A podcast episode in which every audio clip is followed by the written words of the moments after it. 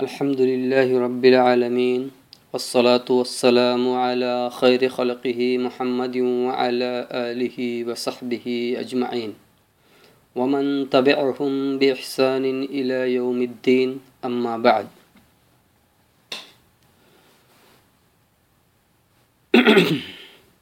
उपस्थित भएका सज्जनविन्दहरू र हाम्रा साथीभाइ र दिदीबहिनीहरू म आजको यस शुभ अवसर में तईहर को समझ अवसरमा तपाईँहरूको समक्ष सवालको व्रतको बारेमा केही महत्त्वपूर्ण ज्ञान, प्रश्न र उत्तरको शैलीमा वर्णन गर्ने प्रयास गरेको छु। जुन इस्लामका विद्वानहरू र प्रसिद्ध मुफ्तीहरूसित गरिएको थियो। र त्यसको जवाफ उनीहरूले कुरान हदिसको प्रकाशमा दिएका थिए। जसलाई जान्नु तपाईँहरूको लागि लाभदायक हुनेछ यसै विश्वासको साथ म तपाईँहरू समक्ष यो प्रश्न उत्तरी प्रस्तुत गर्दछु। अल्लाहसित बिन्ती छ कि अल्लाह हामी सबैलाई कुरान र हदिसको प्रकाशमा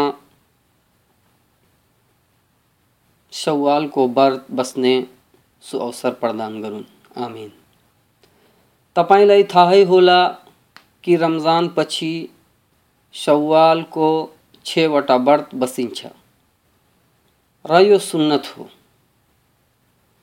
यसैको सम्बन्धमा केही प्रश्न उत्तरहरू, तपाईँहरू समक्ष राख्दछु। प्रश्न। के सवालका छवटै व्रतहरूलाई बस्नुको कुनै श्रेष्ठता बढी छ र के यी व्रतहरू एकैचोटि बसिन्छ वा भिन्न भिन्न गरेर पनि बस्न सकिन्छ? त यसको जवाबमा शेख स्वालेह अल उसैमिन रहमहुल्लाहले यसरी उत्तर दिनुभयो। सवालका छवटा व्रतहरूको श्रेष्ठता प्रमाणित छ, जस्तो कि हदिसमा छ, रसुल अलैहि वसल्लमले भन्नुभयो मन साम रमज़ान थुम्मा अतबअहु बिसित्तिन मिन शव्वाल, काना कसयामिद्दहर रवाह मुस्लिम फ़ी किताब सयाम। अर्थात, जसले रमज़ान को पूर्ण व्रत बस्यो अनि त्यस पश्चात सवालको छेवटा व्रत पनि बस्यो, त त्यसले पूर्ण सालको व्रत बसे सरा भइहाल्यो। यस हदिसलाई मुस्लिमले किताबुस्याममा वर्णन गर्नुभएको छ यो ज्ञान हुनुपर्छ कि यो श्रेष्ठता मात्र रमज़ान महिना सिद्धे पश्चात नै लागू हुन्छ तसर्थ जुन मान्छेमाथि रमजानको व्रतको कजा होस् रमजानको व्रत छुटेको होस् र त्यसमाथि त्यसको छुटको गर्नलाई पूर्ण गर्नु जरुरी होस् यसैलाई रमजानको कजा भनिन्छ। त त्यो पहिला त्यसको कजा गरोस् अनि मात्र सवालको व्रत बसोस्। र यदि त्यो रमजानको व्रतको कजा नगरिकन सवालको व्रत बस्छ भने, त्यसलाई यो वर्णित श्रेष्ठता पर्दा प्राप्त हुँदैन। किनकि रसुल सल्लाह वसल्लमले भनेका छन् कि जसले रमजानको पूर्ण व्रत बसेको होस्। तर जसमाथि रमजानको व्रतको कजा छ, त्यसलाई यो भनिँदैन कि त्यसले रमजानको पूर्ण व्रत बसेको छ। बरु यो भनिन्छ कि त्यसले रमजानका केही व्रत बसेको छ। र यस व्रतलाई एकैचोटि बस्न सकिन्छ र विभाजित गरेर पनि बस्न सकिन्छ। यसमा दुवै तरिका वैध छ। तर एकैचोटि बस्नु अति उत्तम र श्रेष्ठ मानिन्छ। किनकि यसमा सुकर्म तरफ़ अग्रसरता देखाउनु बोध हुन्छ। जुन प्रशंसनीय कार्य हो। र ढिलोपना छैन, जुन कहिलेकाहीँ मान्छेलाई सुकर्म गर्नुबाट बाधित र वञ्चित गरिदिन्छ। फतावा शेख सालेह अल उसैमिन किताबुद्दावा भाग नम्बर एक, पेज नम्बर बाहन्न र त्रिपन्न र अर्को प्रश्न छ सवालको छे व्रतको के हुकुम छ र के यो अनिवार्य छ?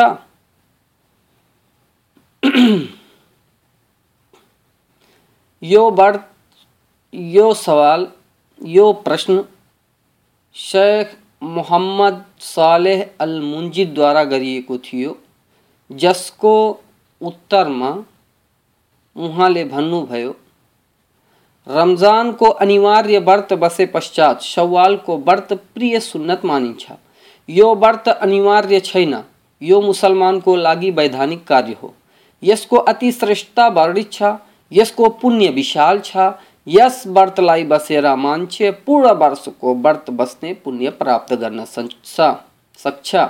जस्तो कि रसूल सल्लल्लाहु अलैहि वसल्लम को कथन बाटा प्रमाणित छ, हज़रत अबू अयूब अंसारी रज़ी अल्लाह अनहु को भनाई छ कि रसूल सल्लल्लाहु अलैहि वसल्लम ले भन्नुभयो, मन साम रमज़ान, सुम्म तबअहु, सित्तम मिन शव्वाल, कान कसयामिद दहर रवाह मुस्लिम व अबू दाऊद व तिरमिजी व निसाई व इब्न माजा। अर्थात जसले रमज़ान को पूर्ण व्रत बस्यो, अनि त्यस पश्चात शव्वाल को छेवटा व्रत पनि बस्यो। तात्यो यस्तो भयो जसरी कि त्यसले पूर्ण सालको व्रत बसेको होस्। यस हदिसलाई Muslim, Abu Dawud Tirmidhi, Nasai र इब्ने माजाले वर्णन गर्नुभएको छ।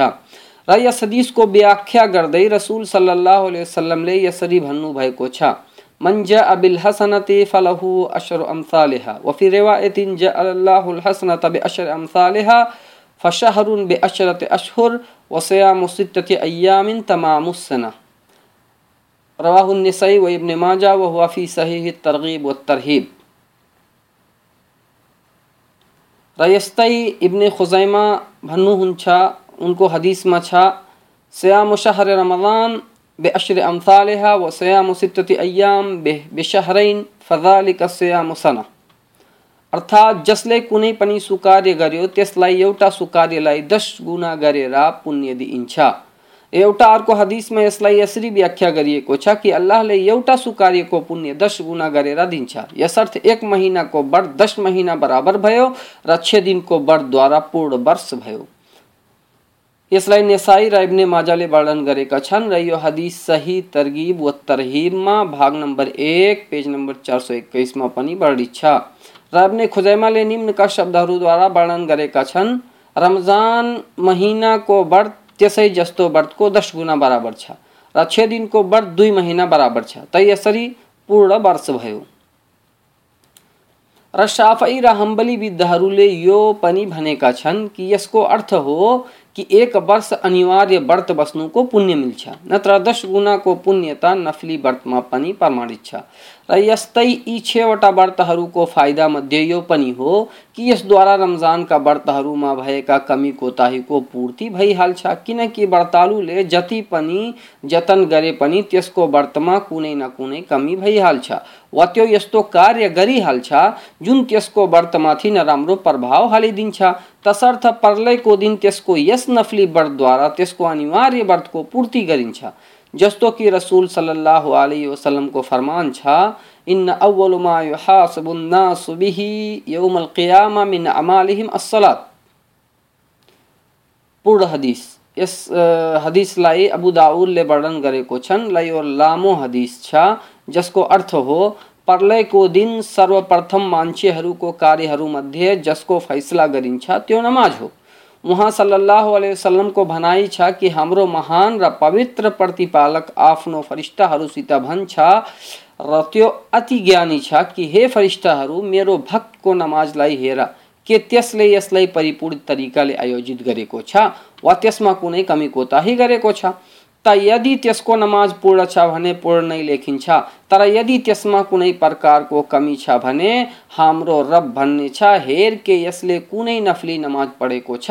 त यदि त्यसका नफली नमाज़ हुन्छन् भने, भन्छ, त्यसैबाट यसको अनिवार्य नमाजलाई पूर्ण गरिदेऊ। त यस्तै तरिकाले तिमीहरूका समस्त सुकारीहरूसित गरिन्छ। यस हदिसलाई अबु दाउलले वर्णन गरेका छन्। Sheikh Muhammad bin Saleh al Munajjid W W W dot Islam slash Q A dot com र यस्तै अर्को प्रश्न प्रश्न गरिएको छ कि पूर्ण सवाल महिनामा वर्ष के पूर्ण सवाल महिनामा व्रत बस्न सकिन्छ? त यसको उत्तर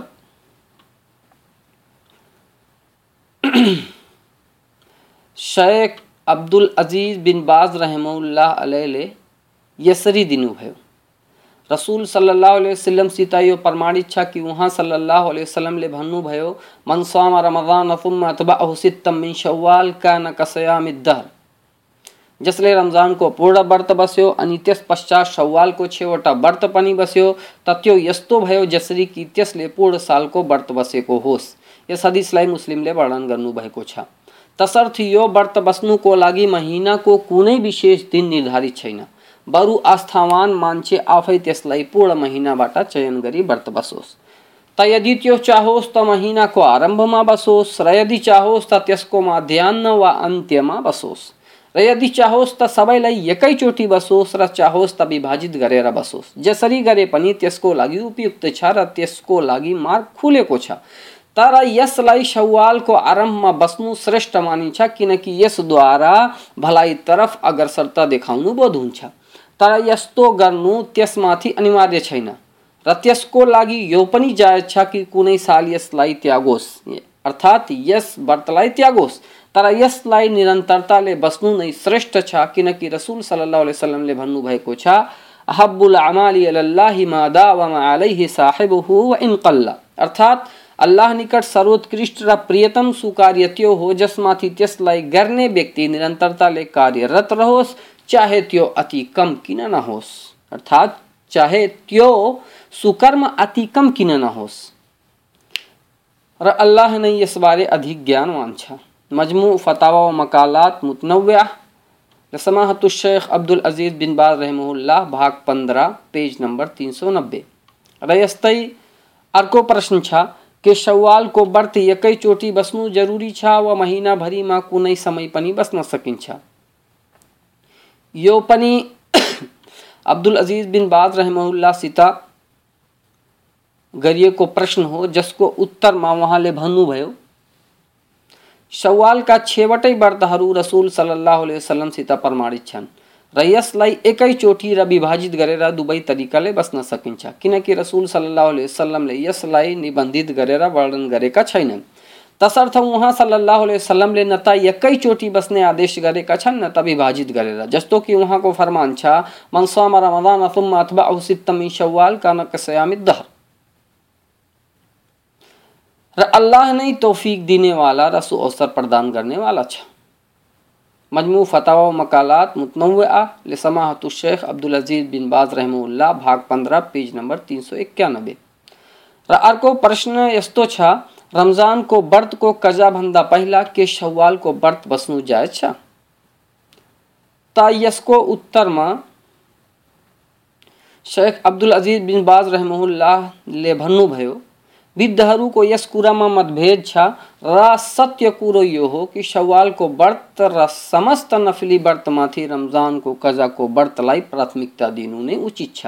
किनकि रसुल सल्लाह वसलमले भनेका छन् मनसामा रमज़ान सित्तम सवाल कान कसयामिद्दहर जसले रमजानको पूर्ण व्रत बस्यो अनि त्यस पश्चात सवालको छेवटा व्रत पनि बस्यो त त्यो यस्तो भयो जसरी कि त्यसले पूर्ण सालको व्रत बसेको होस्। त जसले सवालका छे व्रतहरूलाई रमजानको कजामाथि प्राथमिकता प्रदान गर्यो। त्यसले रमजानको व्रत पश्चात त्यसलाई बसेन। बरु रमजानका केही व्रत पश्चात बस्यो।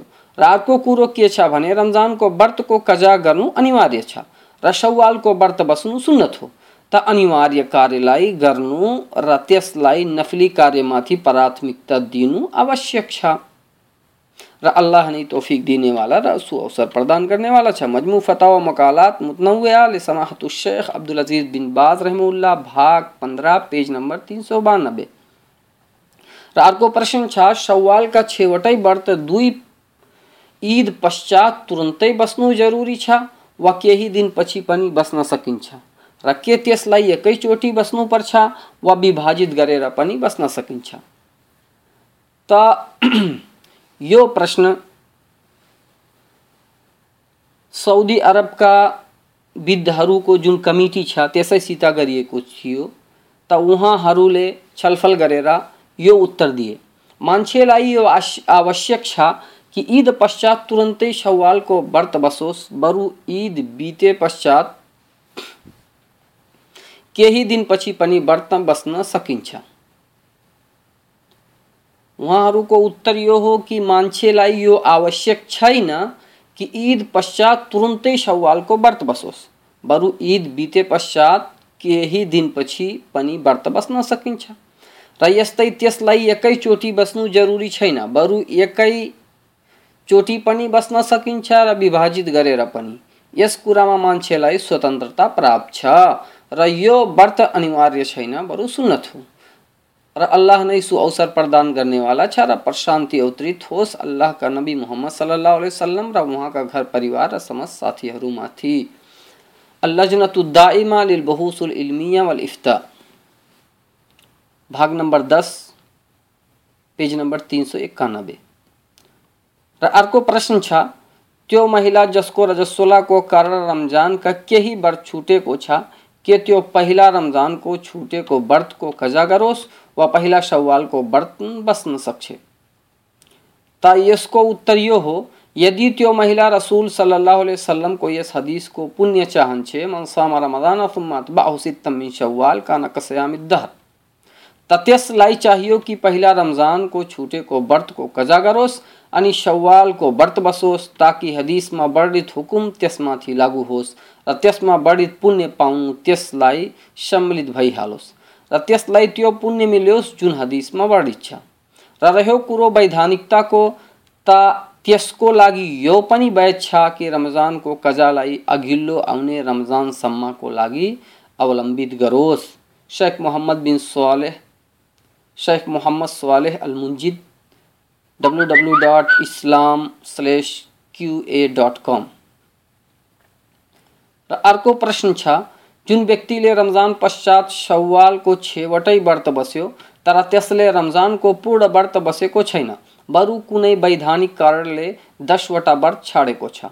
त के यो व्यक्ति पूर्ण सालको व्रतको पुण्य पाउनेछ यसलाई पूर्णता स्पष्ट पारिदिने अनुरोध छ। यो सवाल सऊदी अरबको कमिटी जुन एउटा विशाल विद्धहरूको कमिटी हो। र जुन पूर्ण संसारको लागि फतवा दिन्छन्, उनीहरूसित सोधिएको थियो। त उनीहरूले यस प्रश्नको उत्तरमा यो भनेका छन्। तपाईँहरूको का छवटा व्रत को बारे में हज़रत अबू अयूब अंसारी द्वारा यसरी प्रमाणित छ कि रसूल सल्लल्लाहु अलैहि वसल्लम ले भन्नुभयो मन साम रमज़ान तुम अतबाहु सित्तम मिन शव्वाल कान कसयामिद्दर जसले रमजानको पूर्ण व्रत बस्यो अनि त्यस पश्चात सवालको छवटा व्रत पनि बस्यो त त्यो यस्तो भयो जसरी कि त्यसले पूर्ण सालको व्रत बसेको होस्। त हदिस सही छ। जुन सवालको व्रतलाई प्रमाणीकरण गर्छ र त्यसलाई सुन्नत भन्दछ। र यसलाई साफई अहमद र विद्धहरूका नायकहरूको एक समूहले बसेका छन्। त यस हदिसको मुकाबलामा ती विद्धहरूका वर्णित कुरा कदापि प्रमाण हुन सक्दैनन्, जसमा यो विश्लेषण गरिएको छ कि कदाचित अनभिज्ञहरू यसलाई रमजानसित संलग्न नठानुन् वा यसलाई अनिवार्य नमानिहालुन्। इमाम मालिकको यो गुमान र सन्देह कि यसलाई कसैले पनि बसेका छैनन् त यो मात्र गुमान हो, जुन सही हदिसको मुकाबला गर्न सक्दैन। यसर्थ जससित प्रमाण छ, त्यो त्यसमाथि प्रधान छ, जससित कुनै प्रमाण छैन। र अल्लाह ने सु अवसर प्रदान करने वाला छ र प्रशांति अवतरित होत अल्लाह का नबी मोहम्मद सल्लल्लाहु अलैहि वसल्लम माथि र उहाँका घर परिवार र समस्त साथीहरूमाथि। अल्लाजनतुद्दाइमा लिल बहुसुल इल्मिया वल इफ्ता भाग नंबर दस पेज नंबर तीन सौ उनासी तयो थियो केही प्रश्न उत्तर जुन सवालको छवटा व्रतहरूको बारेमा गरिएको थियो र जसको उत्तर साउदी अरबका विद्वानहरूले आफ्ना तरिकाले दिए जसबाट हामीलाई यो थाहा हुन्छ कि यस सवालको व्रतलाई रमज़ान पश्चात राख्नु उचित छ। र जसमाथि रमजानको कजा छ त्यसमाथि यो उचित छ कि पहिला रमजानको कजा गरोस् अनि सवालको व्रत बसोस्। तर यदि त्यो पहिला नै सवालको व्रत बसेको छ, अनि कजा गरेको छ तै पनि केही फरक पर्दैन र यस्तै सवालको व्रतलाई एकैचोटि र एक एक गरेर पनि बस्न सकिन्छ यसमा पनि हामीहरूलाई स्वतन्त्रता प्रदान छ, प्राप्त छ। त अन्तमा मेरो अल्लाहसित यो याचना छ कि अल्लाह हामी सबैलाई यो व्रत बस्ने सुअवसर प्रदान गरून् र हामी सबैलाई कुरान र हदिसको प्रकाशमा कर्म गर्ने सुअवसर प्रदान गरून् र हामीलाई यस्ता सुकर्महरू गर्ने अवसर प्रदान गरून् जसद्वारा उहाँ प्रसन्न भई हामीलाई स्वर्ग प्रदान गरून् आमीन।